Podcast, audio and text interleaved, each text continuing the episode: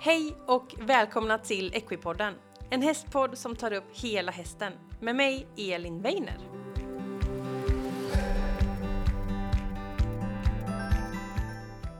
Hej alla Equipodden-lyssnare och välkomna till veckans avsnitt av Equipodden! Veckans avsnitt presenteras i samarbete med Polly Equine. Och som jag berättat tidigare så är Polly Equine ett företag med lång erfarenhet av rep och de tillverkar fantastiska grimskaft till häst. De finns i olika längder, i dova snygga färger och också med olika typer av eh, knäppningar. Men idag tänkte jag att jag skulle lyfta fram en eh, kvalitet som jag tycker är väldigt bra som de här grimskaften har. Det är nämligen så att de här grimskaften är gjorda av ett rep som vanligtvis används till tamp till båt och det gör att de är väldigt eh, hög kvalitet och de väger också lite granna. Och i podden så pratar vi ofta om att arbeta hästen från marken och eh, när man arbetar sin häst från marken då är det bra att dels ha ett lite längre rep eller ett lite längre grimskaft och det är också bra att ha någonting som väger lite granna. Och Polly Queen finns ju, deras grimskaft finns att få i olika längder och de väger också lite granna så det blir en liten tyngd i sig. Så när man använder ett sånt här typ av rep så kan man alltså hjälpa hästen att arbeta på ett fritt och skonsamt sätt och då får den att sänka sig och stretcha ut och faktiskt använda sin kår. Så letar du efter ett rep som du kan använda när du arbetar din häst från marken då tycker jag att du kan kika in på Pollys Queens hemsida. Den är www.polly.se. Där kan du då välja hur långt rep du vill ha. Du kan också kika in på deras sociala medier. Då är det Polly Queen som gäller. Och om du är intresserad av ett grimskaft så har jag också en rabattkod som ger dig 20% på alla grimskaft fram till och med den 31 mars. Då anger du koden Equipodden20 i kassan. Men nu är det dags för veckans avsnitt. Och eh, det är ett hoppande avsnitt kan man säga när jag träffar och intervjuar Linda Hed. Och Linda hon är en sån där idol som jag växte upp med när jag var liten. Då var hon på de största arenorna och det är hon ju fortfarande. Hon är en otroligt duktig ryttare, eh, väldigt ödmjuk och är så duktig och kan så mycket häst. Det var verkligen en ära att få komma hem till Linda och göra den här intervjun och jag tyckte det blev riktigt, riktigt bra. Vi pratar om hur hon lägger upp träningar med varierad träning och allt vad det innebär. Hon ger sina bästa övningstips. Vi pratar också om tävling, vi pratar om framridning, hur hon förbereder sig inför tävling, vi pratar framhoppning och så vidare och så vidare. Och eh, det är en hel del bra tips med i det här avsnittet. Så det här är riktigt godbit för er alla lyssnare. Så ja, vi kör helt enkelt igång då veckans avsnitt med hoppryttaren Linda Hed.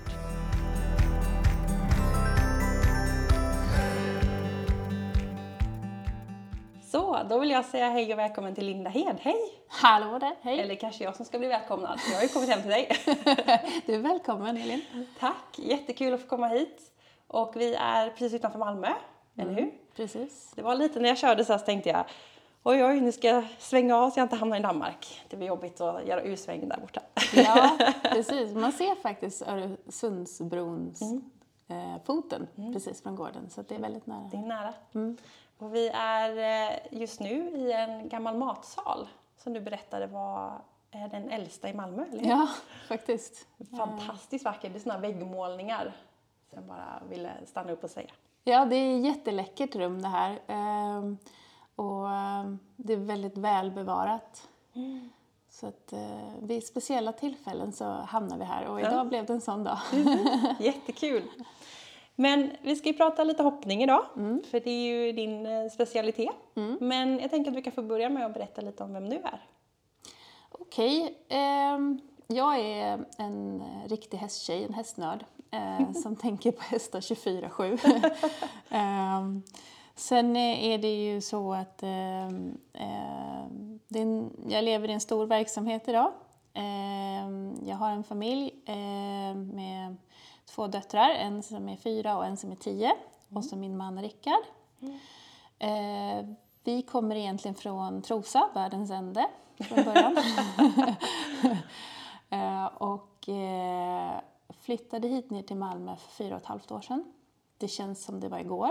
Mm. Och eh, det var som att hoppa fallskärm och flytta hit. Jag har dock aldrig hoppat fallskärm, men jag kan tänka mig att det är som att hoppa fallskärm. Ja. Ehm, för att ehm, det var kanske inte oväntat att vi flyttade ner, men det var ändå så att ta sitt pick och pack och lämna familj och vänner och allting kvar uppe i. Sörmland. Mm. Ehm, man vet inte riktigt vad som händer. Precis. Eh, jag har ju ridit sen jag var... ja, Jag tog faktiskt ridbör, ridbörjarmärket när jag var tre och ett halvt år. Wow. Så jag har liksom inte är en gjort lång annat. karriär. Eh, min mamma tyckte det var lite jobbigt att dra mig i barnvagn så hon tog pottstol som fanns på den tiden. Där satt man ju ofta fast. Man kunde sätta fast barn i pottstolen och så satte hon fa- fast pottstolen på sadeln. Oj. Så, så lät hon ponnyn gå och beta i, i trädgården och så kunde hon pyssla med annat. Perfekt, lite Eh. gosig rörelse så. Ja, och jag kan förstå idag när jag har haft små barn och har små barn är att eh, de är ju överallt. Eh, och man kan egentligen inte koncentrera sig och göra någonting när de är i närheten. Så Ja. jag, sådär, nu efteråt så förstår jag ganska bra idé faktiskt. Eh, jag tror dock inte att det är lagligt eller eh, lämpligt nu för tiden. Ja, nej men eh, så att, eh, som sagt jag är uppväxt med, med hästar eh, och min mamma har ri, haft ridlektioner och tränat mig ända sedan jag var liten. Och eh, min syster hon tävlade på hög nivå och red Europamästerskap bland annat på ponny. Eh, så eh, hon rider inte längre. Det är bara jag i familjen som, som tävlar och rider nu då. Ehm, ja, eh, så efter många år där uppe i Sörmland och många mil att köra ner till Europa, eftersom jag tävlar väldigt mycket i Europa. Eh, och eh, hästarna fick stå många timmar på lastbilen och jag var borta väldigt mycket hemifrån. Så tänkte vi att när äldsta dottern skulle börja skolan så tänkte vi att vi måste nog tänka om lite med det. Just det. Så att, eh, det var en av de största anledningarna till att vi flyttade ner till, till Skåne. Faktiskt. Och så hittade ni den här gården då? Ja, eh, det var ju en drömgård som var verkligen utom räckhåll från oss från början. Eh, så vi hade lite tur. Eh, det är ju ganska nära stan. Mm, verkligen. Eh, och jag kan tänka mig att folk som, som vill ha hästgård tänker sig att de vill bo långt ute på landet. eh, och eh, vi vill ju inte ha det så egentligen. Eh, så vi är väldigt glada att vi har stan nära. Eh, och ja, som, som sagt då, Europa nära. Så att, vi lyckades i alla fall lösa det och att kunna flytta hit så vi är väldigt glada för det. Och hur stor är gården? Hur mycket hästar har ni? Vi har två stall och vad blir det nu, 28-29 boxar totalt har vi. Det är en del. Ja, det är fullt upp. Eh, så att eh, ungefär hälften är mitt tävlingsstall och den andra hälften är elever som jag har här som bor här på full service och vi sköter deras hästar och de tränar för mig två dagar i veckan. Lyxigt. Mm. Så um, ett jättebra gäng som vi har som jag har haft eh, äran att bygga upp från början. Det tycker jag är superkul. Eh, så att det är ju tjejer då allihopa som, som kom väldigt gröna och det är superläckert att följa dem varje vecka och jag blir jättestolt att se när de liksom klättrar upp ett steg till på, på stegen hela tiden. Det. När det blir så nära relation att man har hästarna på samma ställe och så två dagar i veckan koncentrerad träning och så pratar däremellan. Det blir lite liv på gården också. Och att man får följa verkligen nära håll. Annars kan det vara att man tränar för en tränare någon gång i månaden kanske. Då blir det inte alls samma sak. Nej, precis. Och vi har alltid så... Eh, måndagar då så jobbar vi mycket på backen eh, och mycket bommar och markarbete som vi kallar det då. Eh, så det är mycket lydnad och styrka och sits och alla de här grunderna. Eh, och också då en förberedelse till nästa dags hoppning. Ja. Så att eh, om vi till exempel haft bommar då ena dagen så blir det upphöjt på, på hinder och då känner sig både ryttarna och hästarna väldigt bekväma och säkra och självförtroende och vet att man bygger upp det stegvis då. Just det. Eh, så att eh, jag, jag tycker att det är en väldigt bra röd tråd som vi har att jobba med.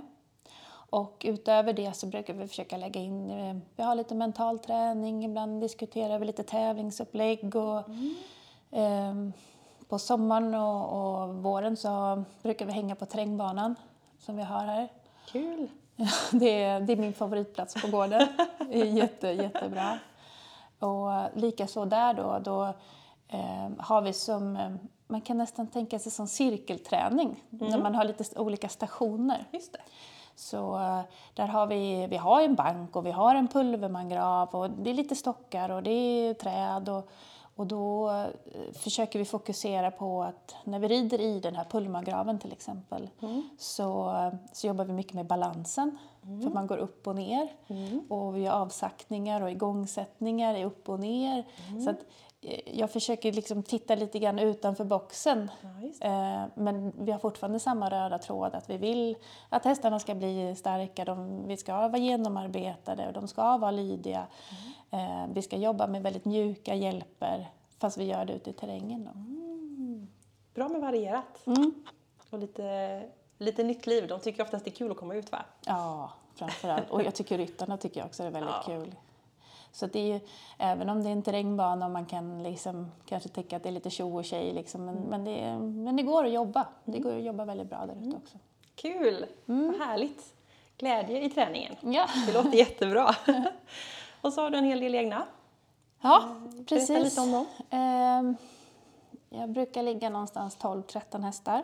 Ehm, det är ju... Eh, ska vi se, jag tror att den yngsta är nog 4 och den äldsta är nog 13 nu tror jag. Så det är ganska varierad ålder. Ehm, och det är då, de äldsta går ju Grand Prix och de yngre har vi ju precis börjat med och ska börja hoppa in. Så att eh, det förgyller ju dagen. Det blir aldrig samma arbete varje dag. Nej, precis. Det är väldigt olika att hoppa upp på en ung och en, jag höll på att säga gammal, det är det ju inte, men en lite äldre. Ja, precis. ja. Ja, spännande. Hur mycket hästar rider du per dag då? Eh, det är otroligt varierande eftersom eh, eh, man ska sköta en gård och man ska sköta logistik för tävlingar och det är, det är mycket annat att göra än bara rida. Ja. Så att eh, ibland kan det bli en 6-7 hästar och ibland kanske det är tre hästar men jag rider sju dagar i veckan. Men det är lite olika beroende på vilka hästar som behöver tränas just för stunden. Alla hästar har ju lite olika arbetsscheman. Eh, Så det är ju alltid ett par hästar som rids ut varje dag. Det är ett par hästar som longeras. Eh, Vi har också en arbetsuppgift där de longerar över bommar och bockar. Så att de, de jobbar även om de går på lina. Just det. Eh, Så att det, är ju, det innebär ju att eh, longeringen och, och uteridningen görs eh, av mitt team, resten av teamet. Så gör jag eh, alltid det grundarbetet, eh, hoppningen och, och dressyren och markarbetet. Då. Det låter som väldigt varierande för hästarna. Jag tycker det är viktigt. Eh, och jag tror att det är en av mina framgångar att mina hästar, de älskar att arbeta. Eh, och framförallt att de jobbar för mig. Man, man märker att de gärna fightas och vill. Och jag hoppas och jag tror att det är det som är en del av hemligheten. Att de faktiskt eh, tycker det är väldigt kul att jobba. Hur har du kommit dit då? Är det varierat eller har du något annat hemligt du gör i stallet? Hur jag har kommit dit. Ja. nej men det är klart, alltså jag har ju... ehm, jag är ju nu 43 tror jag i sommar. så jag har liksom tagit bort det där lite hur gammal jag är, liksom glömt bort det där. Ehm, och så det är klart att jag har väldigt många arbetstimmar bakom mig eh, innan jag kommit hit och det är klart att min mamma har ju präglat mig från början. Ehm, Men jag har ju under långa perioder eh, bott eh, hos Rolf-Göran Bengtsson och Bo Kristoffersson i Tyskland. Eh, Jag har eh, även bott eh, hos Jessica Kuten också i Tyskland under långa perioder. Hon är för övrigt eh, den som jag tränar för nu. Eh, Maria Gretzer har ju hjälpt mig enormt mycket. Ehm, Som faktiskt bara bor nu ett sten, eller jag bor ett stenkast ifrån henne som ska jag säga.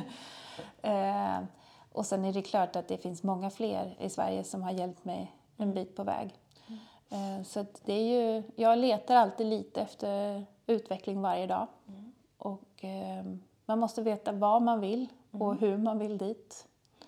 Och då måste man leta sig till den utvecklingen. Spännande. Mm. Trivas och utveckling. Och vad är satsningen just nu då? Ehm, Det som kanske är det som utmärker sig mest det är ju att eh, jag ska få rida Globals i år. Ja. Mm, Det blir tänker på spännande. det. ja, eh, supertaggad är jag för det. Ehm, och just därför att jag eh, och hästarna behöver lyfta oss en nivå till. Mm. Ehm, jag har ju varit och eh, provat lite på Globus. Jag tävlade i Stockholm ehm, för ett par år sedan. Eh, Innan pandemin. innan pandemin, precis. Ja. Eh, så att, eh, och det gick väldigt bra. Eh, så jag har varit lite där och känt på formatet. Eh, då var jag inte med i ett lag. Nu får jag vara med i ett lag, vilket är superspännande. Och det är en, en, för mig i alla fall en ny nivå och en, en ny utmaning att göra. Ja, det är ju en lite speciell tävling. Eh, kan du inte berätta lite om formatet för den som inte vet vad det är? Ehm, ja, lätt räknat. Det är en, en tävling eh, för de bästa i världen eh, med väldigt mycket pengar. Och eh, det blir väl någonstans mellan 14 och 16 deltävlingar i hela världen. Och Man tävlar på stora, i stora städer, Miami Beach, man tävlar på stranden precis bredvid alla badbyxor. och eh, man, kan, man tävlar i New York, eh, på Times Square tror jag det är, eller någonstans där i närheten. Så det är ju superläckra platser man åker till.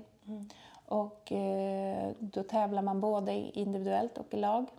Så att jag rider i ett lag som heter Hamburg Giants. Och eh, det är tre stycken som, eh, som åker på varje deltävling.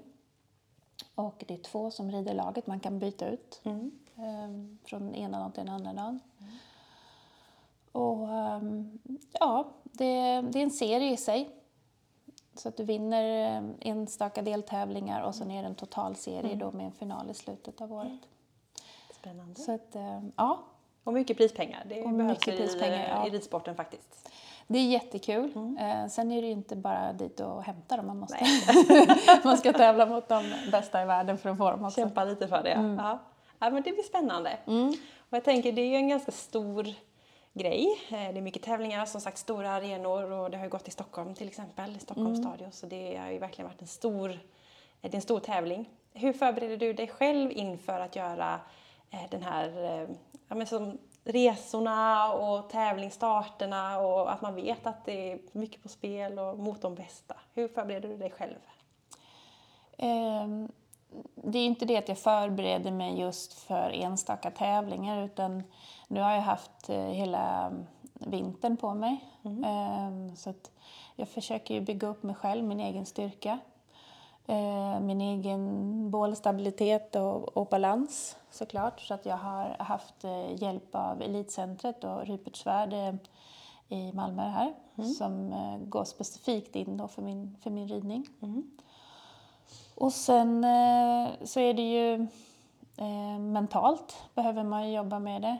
Eh, så Anders Svärd har ju också hjälpt mig i, i många herrans år. Jag tror vi är över tio år som vi har jobbat ihop. Så det är ju ingenting som man kommer på just nu Nej, som man ska precis. för, förbereda sig utan det är ju något som har pågått under många år så man, man får ju bara knyta ihop påsen när det väl gäller. Eh, sen är det ju eh, hästarna såklart då.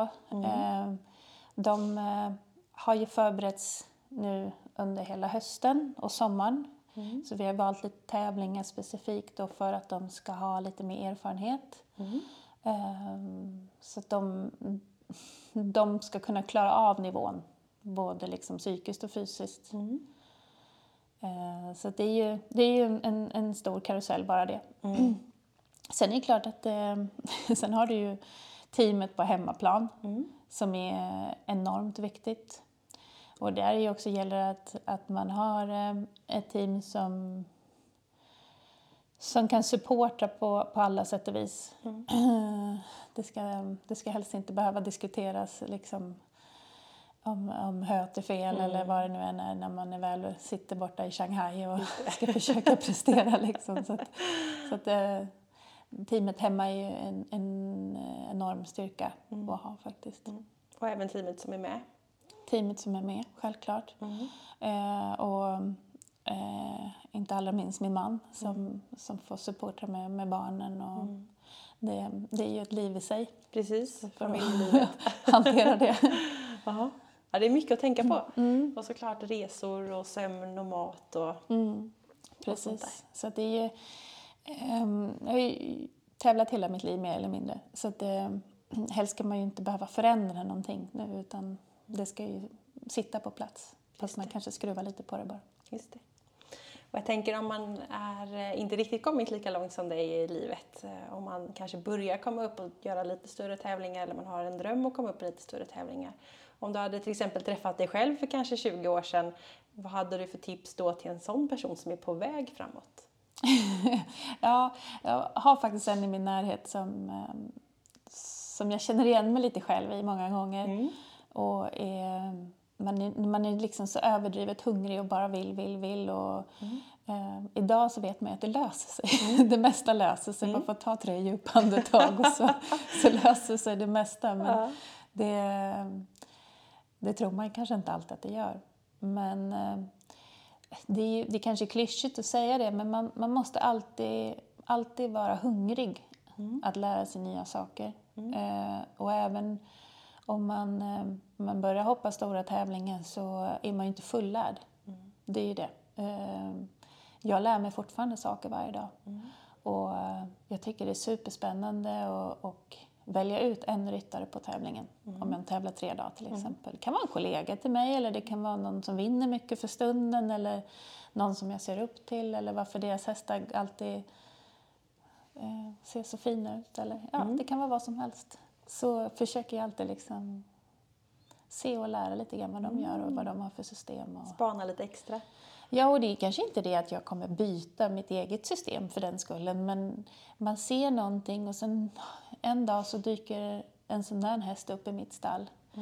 Och då tänker jag, just det, du vet, den där ryttaren red med ett ponnyhackamore på den där typen av hästen. Ja, men du vet, då börjar man liksom plocka med lite grann sånt som man har sett och sådär och då går det lite fortare. Just det, och våga testa. Mm. Ja, för det, det tänker jag själv att visst man kan ha sitt system och vara väldigt nöjd med det, det kan funka men det betyder ju inte att det kan vara intressant att få influenser av någon annan också. Nej. Att man behöver, kan utveckla eller testa någonting. Och sen kanske inte det är för en själv ändå men det kan vara kul att göra en test. Ja, precis. Eh, sen är det ju också så att det är superviktigt att inte, tycker jag, vända kappan efter vinden.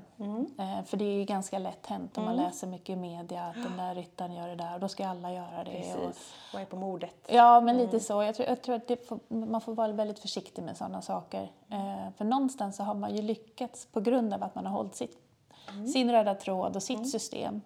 Så, och det har ju inte varit fel. Eh, Så att, eh, jag tror man ska vara lite försiktig med att ändra allt på en gång. Bra tips. Bra tips.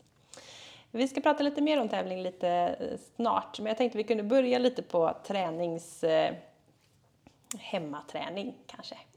Och tänkte jag först att du kan få dela med dig om du har någon favoritövning eller någonting du gör, eh, både hoppning och dressyr kanske, eller markarbete som du tycker är viktigt, som ger dig bra information för en viss häst till exempel. Mm. Eh, det är ju sånt som sitter i mitt huvud mest. eh, nej då, skämt åsido. Men eh, jag har ju förmånen att ha en eh, väldigt stor ridbana. Och eh, även om det nu är inomhus eh, och man rider in i ridhus och sådär på vintern och det blåser och det regnar och sånt så, så jag är ju sådär gammal envis att jag ska ju rida ut även om det blåser och det regnar.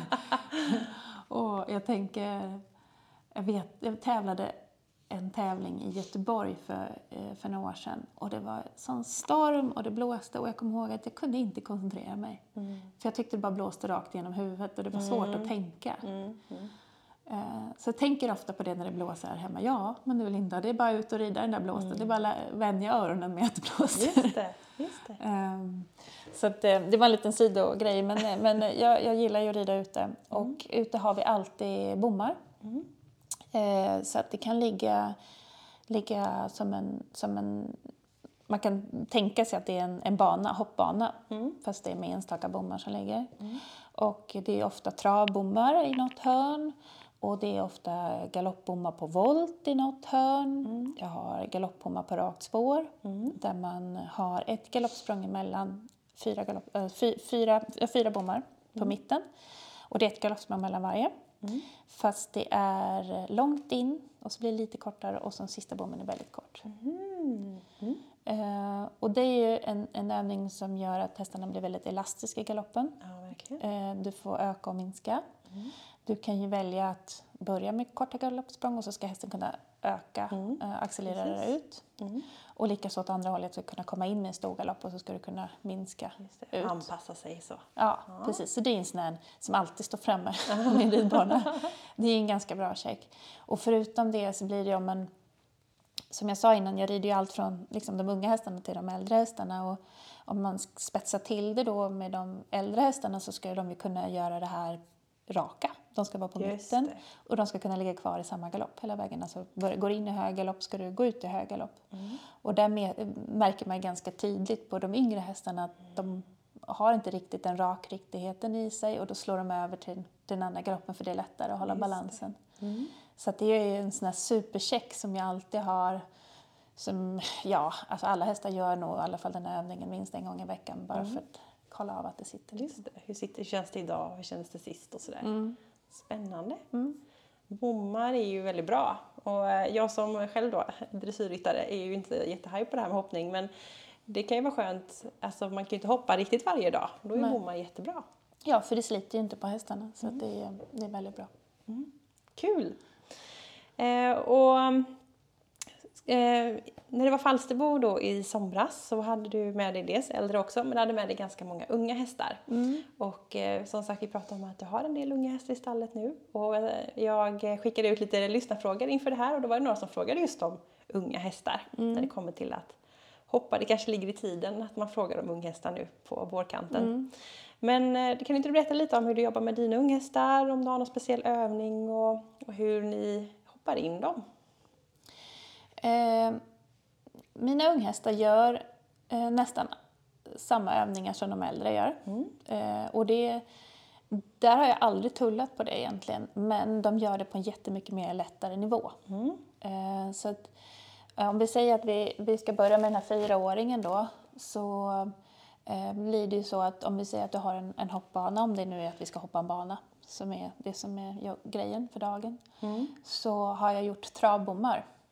Så att de gör hela banan 1 till 9, fast kanske i travbommar till att börja med. Så att de ska gå igenom hinderstöden, de ska kunna svänga när vi ska svänga. De ska gå rakt fram när det är en diagonal, till exempel rakt fram. Eh, så att de lär sig hitta bansträckningen.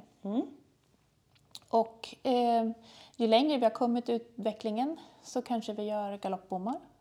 Det kanske är någon upphöjd bom, eh, någon bom framför och bakom. Men de, de gör fortfarande den här banan. Även om det står nära sargen eller det landar nära sargen efteråt så har ju de mentalt lärt sig att det går jättebra för de travar i bommarna först och så kan de ju galoppera bommarna och sånt där. Så att mina hästar är ju oftast när de, när de börjar bli lite äldre så är de så pass klara. Men de har ju aldrig hoppat högt. För det att hoppa ett enstaka hinder högt, det, det är något som jag nog aldrig gör. Eh, utan jag är mycket mer intresserad av tekniken. Hur de lär sig följa skänklarna, hur de lär sig framåtbjudning, bromsning, alltså alla de här eh, små detaljerna som, som krävs för en hoppning. Då.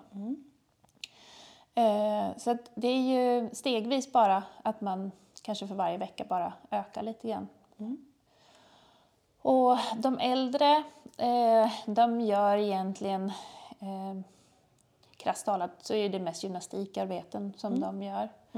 När de väl hoppar, det kan vara någon, någon teknikövning, att man eh, jag använder mig väldigt mycket av bommar som du hör. Mm. Eh, mycket galoppbommar och sådana som är lite upphöjda på sockerbitar och sånt. Mm. Så att, eh, hemma att de verkligen får jobba. De får använda mycket styrka för jag anser många gånger att det är styrka som avgör mycket hur, hur, hur långt de kommer. Och hur gör du med höjderna sen då? För det är ändå lite höjdhoppning på tävling, man ska hoppa högt. Ja, faktiskt. Eh, Jag gillar ju, som på framhoppningar till exempel, så hoppar jag aldrig maxhöjden eh, när jag går in. Så Grand Varför inte då? Eh, För det första så tycker jag alltid att det är, det är som små marginaler när du ska hoppa stora hinder. Att, att det ska tajma, det ska funka. På framridningen är det ofta stressigt. Du har, speciellt inomhus så har du väldigt få ekipage på dig innan du ska in på banan. Och då blir det en stressfaktor. Och, eh, en framhoppning ska ju vara en uppvärmning för det du ska göra inne på banan. Och det är också ett resultat på hur du har tränat hemma. Så framridningen ska du ju aldrig bevisa någonting. Och det är jättelätt hänt att någon råkar stå i vägen. Det råkar vara någon som rider bakom hindret. Du får inte den anridningen du har tänkt dig. Ehm, och just alla de här små delarna gör ju att det kan bli en miss.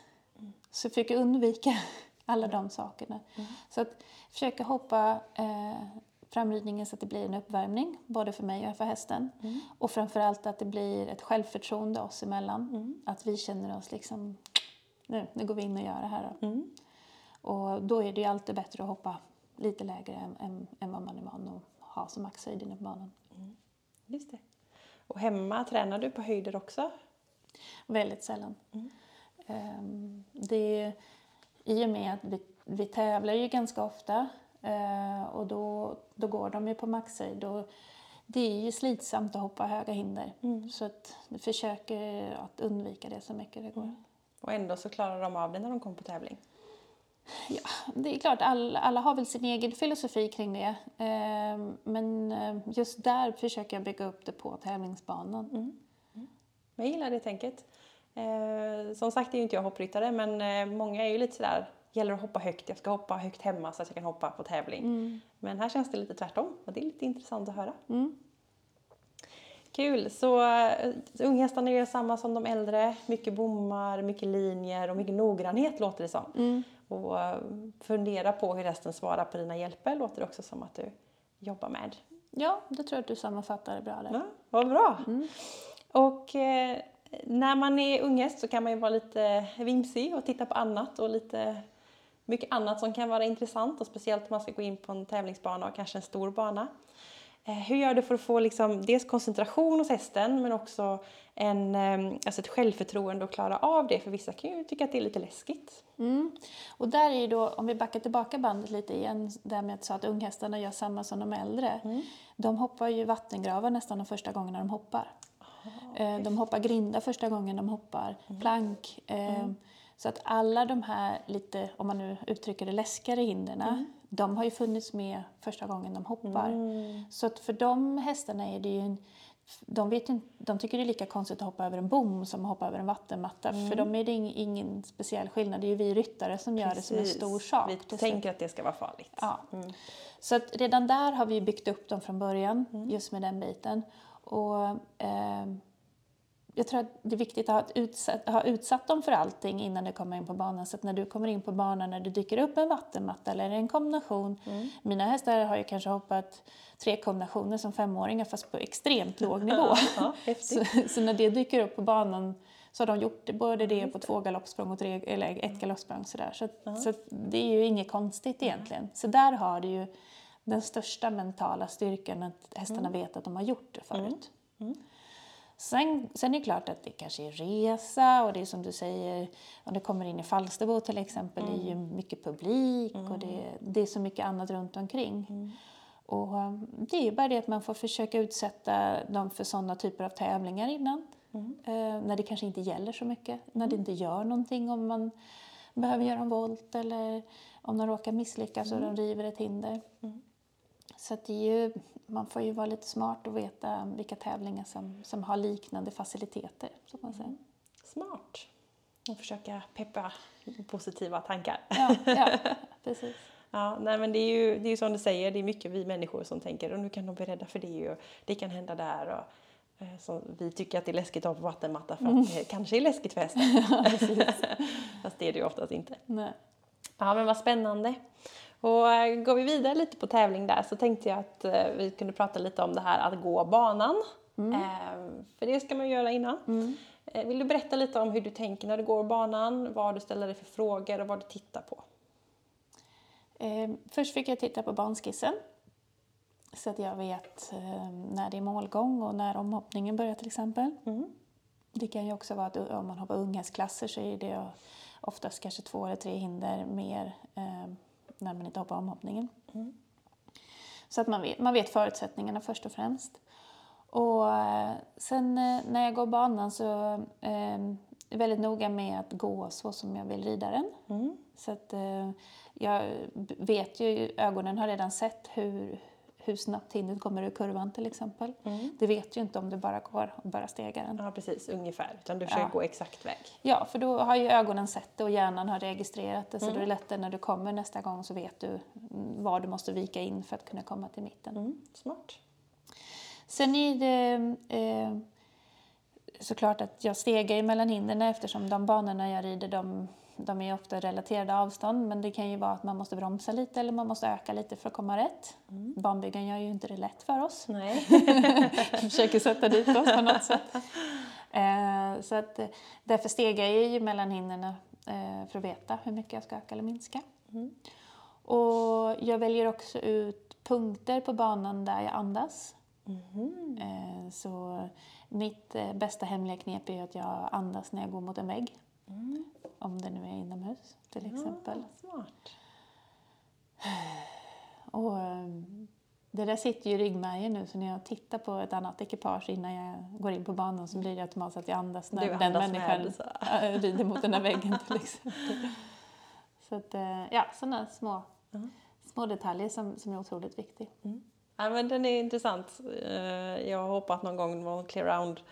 Och så stannade jag och så hade jag kommit på att jag inte andas på hela, hela rundan. Så det var jätteyr och mådde illa, hoppade av och bara, "Nej, jag inte. Ja, och det roliga är att hästarna känner ju av det Ja. också så de glömmer ju bort att andas de också. Mm, det blir inget bra då. Nej. Ja, men smart. Så stega, hålla koll. Eh, känn, vet du liksom så här, jag tänker liksom dina steg. Eh, är det olika för olika hästar? Jag tänker att om du till exempel har en häst med lite större galopp, att du vet att idag ska jag starta på den här, då behöver jag stega på det här sättet. Eller stegar alltid du samma och kan översätta det sen? Jag stegar ju alltid likadant. Eh, men det blir att jag vet ju att, att den här hästen har lång galopp och då kanske jag inte behöver rida lika mycket framåt på den distansen. Sen har jag en häst som är lite mindre i galoppen, då vet jag att det blir långt för den. Så, att, så att, såklart eh, måste man ju översätta det till vilken häst det är som har rider. Ja, det är spännande. Är det något mer som du tycker är viktigt att tänka på när man går banan? Ehm, ja, alltså är man orutinerad så tycker jag att det är bra att gå banan flera gånger. Eh, och också memorera den ehm, i hjärnan, liksom blunda och, och gå igenom den. Ehm, det är ju, det är, om man säger så här, det är en sak som man lär sig till slut. Ehm, jag vet inte, jag vågar inte ens gissa hur många banor om året jag rider. så, men för mig kommer det ju naturligt lika väl som jag går och dricker vatten i ett glas. Eh, så att det handlar ju om rutin, man behöver bara göra om och om och om, och om igen. Så är det. Spännande. Och sen framridningen var vi inne och snuddade lite på det att det är trångt på framhoppningen. Men annars när det kommer till framridningen, har du några speciella övningar du alltid gör eller något speciellt tänk du alltid har med dig? Det är ju viktigt då som sagt att hästen är uppvärmd så att man får tid att att skritta, trava, galoppera, göra några övergångar, känna att gasen och bromsen fungerar. Att de följer den, att ratten, ratten sitter där den sitter. Så att eh, eh, egentligen checka av. Liksom. Gasen funkar, bromsen funkar, ratten funkar, bra, okej. Och, och sen så börjar jag väldigt lågt. Det är ibland så tycker nästan folk att jag gräver ner hindren från ridningen. Men för de yngre hästarna så är det viktigt att de, att de inte liksom får börja med att ta i. Utan Även om det kanske är lite spänt och det är lite läskigt och oj oj oj, där kommer en häst i möte, oj oj oj. Det är oftast mycket oj oj oj när man rider unghästar. Precis, lite, så, lite vänster, lite höger. Ja, precis. Eh, och då är det alltid att rekommendera att börja jätte, jättelågt så att, så att de börjar hitta vägen och, och, och ändå vet vad de ska. Just det. Och en lite äldre häst? Eh, egentligen inte så stor skillnad. Eh, kanske för dem inte lika lågt då, men, men ändå börja mm. enkelt.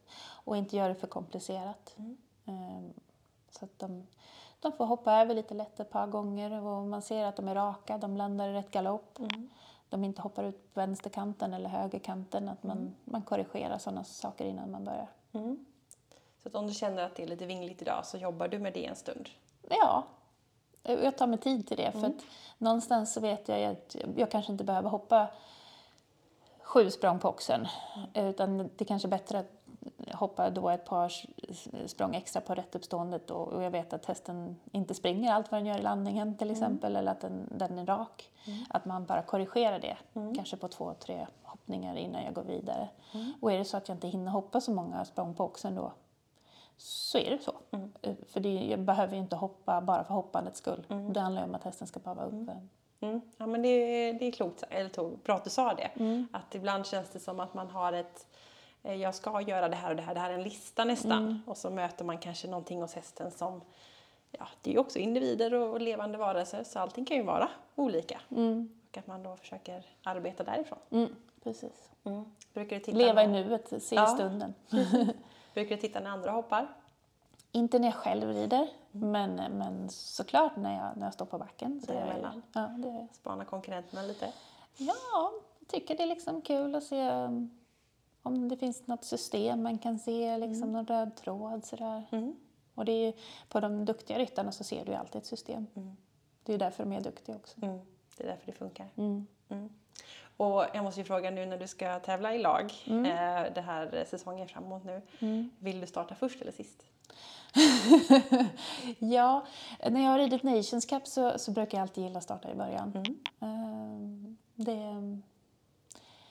sen är det klart att det är en stor fördel att vara i slutet. Det vet vi ju. Men som nu förra veckan så tävlade jag Grand Prix och, och, då går man ut först. Och det är ju alltid så att alla försöker rida lite fortare än den första ryttaren. Just det. Så det, det, är ju klart att det, i det läget är det ju inte alltid en fördel mm. att vara i början. Men mm. jag tycker om att, att, hålla mig till min plan mm. Eh, och, och, gå efter den. Mm. Och då är det en fördel att vara i början. Mm, just det. För det är, man är olika. Vissa behöver nästan den här stressen på att nu hänger allt på den sista ja. och vissa klarar inte det. Nej, precis. Så du vill ha lite mer lugn och ro och ja. lite mer ditt eget. Ja, precis. Mm. Ja men eh, fantastiskt Linda, vad spännande. Mm. Jag tänkte att vi skulle börja runda av lite grann. Mm. Och eh, då tänkte jag som eh, sista fråga, så om du bara får tänka på en hoppryttare oavsett nivå om man vill bli bättre. Om du får ha tre konkreta tips för att bli bättre som hoppryttare. Oj! Ja. och du tänker alltså vem, vilken ryttare som helst? Ja. Som rider på vilken nivå som helst? Mm. Som ska ha tre tips för att bli bättre? Mm. Okay. Gud vad jobbig du var. Ja, eh, ja men okej. Okay. Men om vi börjar på en, en liten ponnykej då, mm. som precis börjar tävla. Och då skulle jag ge tips på att ha roligt. Mm. Det får man ju aldrig glömma bort. Mm. För det jag tror det är väldigt lätt hänt. Man kanske är lite sparad från sina föräldrar och sina kompisar och sådär. Det blir kanske en onödig press. Mm. Men man ska ha jätteroligt när man håller på det. Och man måste älska sin ponny. Mm. Man ska väl ha roligt oavsett om man rider ponny eller häst kanske? Faktiskt. Mm. Faktiskt. Helt rätt. Uh, och jag tror att det också är en sak som jag ofta tänker på. Eh, framförallt tonåringar som tävlar, som är på hö lite högre nivå, mm. kan vara otroligt elaka mot sina föräldrar. Mm. Eh, och jag blir väldigt illa berörd över det. Mm. För någonstans så är det så att de här föräldrarna gör ju oftast allt för barnen. Mm. De köper dyra hästar och det är lastbilar och de tar ledigt från sina arbeten för att kunna vara på meeting och sånt. Och det är klart att det är en, en press säkert som föräldrarna sätter till barnen. Mm. Så är det mycket, mycket, säkert. Men just det här med de här elaka kommentarerna och, mm. och sånt som man hör, ibland lite för högt. Mm. Det, det är sådana tips. Var snäll med, med, med teamet. Mm. Eh, för föräldrarna är ju ett team. verkligen. Uh, utan dem så är det ingenting. Um, och det tänker jag ofta på. Hade inte jag haft mitt team bakom mig, mm. så vem, vem hade jag varit då? Nej, precis. Att, eh, Det går inte att dra runt 28 hästar själv. nej, det finns inte en chans i världen. Speciellt inte när man har två barn. Eh, och, så att det, det är väl också ett tips. Nu har jag väl tappat hur många tips jag har gett till Nu olika. har ni gett två tips. Ha roligt och var snäll och ta hand om ditt team. Och, eh, jag har ju varit inne på det tidigare, men var alltid hungrig och lära dig. Titta, se, Mm. studera. Det är jättebra tips. Det är bra, måste ha lite mot eh, väggen också när man ställer frågor. ja men fantastiskt Linda. Eh, Jättekul att få sitta ner en stund med dig. Om man tyckte det här var intressant och vill följa dig eller kom, komma i kontakt med dig, hur gör man då? Jag eh, finns oftast på Instagram, Mm. så att man kan skriva till mig där om man vill, på Linda Hed. Linda Hede. Och ehm, ja, annars så ehm, får ni väl eh, söka upp mig på tävling. Det är helt okej också. Det man får komma fram Man får komma för. om du inte är in the zone. Ja, det går jättebra. Ja men fantastiskt, tack så jättemycket för att jag fick komma hit. Tack själv.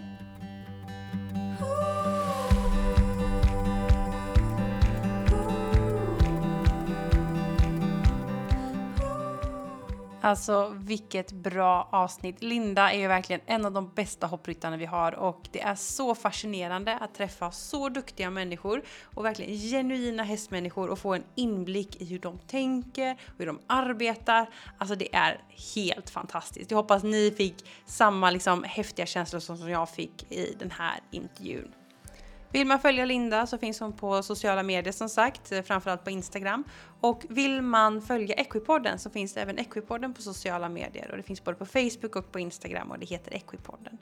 Och eh, där kan du få mer information för Linda har nämligen fått fråga som inte finns med här i podden som kommer dyka upp på sociala medier. Så det är ett tips att gå in och följa för att få ännu mera konkreta tips och tankar från Linda.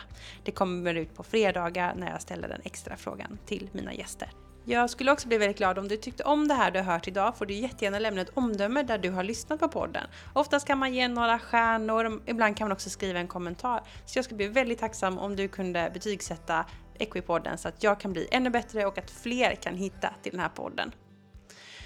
Ja, nästa vecka då blir det lite spännande. Jag tänker inte avslöja så mycket, men det blir ett bra avsnitt. Så jag hoppas att ni får ha en fantastisk vecka. Det är vår, det är sol, fåglarna sjunger och påskliljorna börjar komma upp. Det är fantastiska känslor. Så ha det så bra så hörs vi snart igen. Hej då!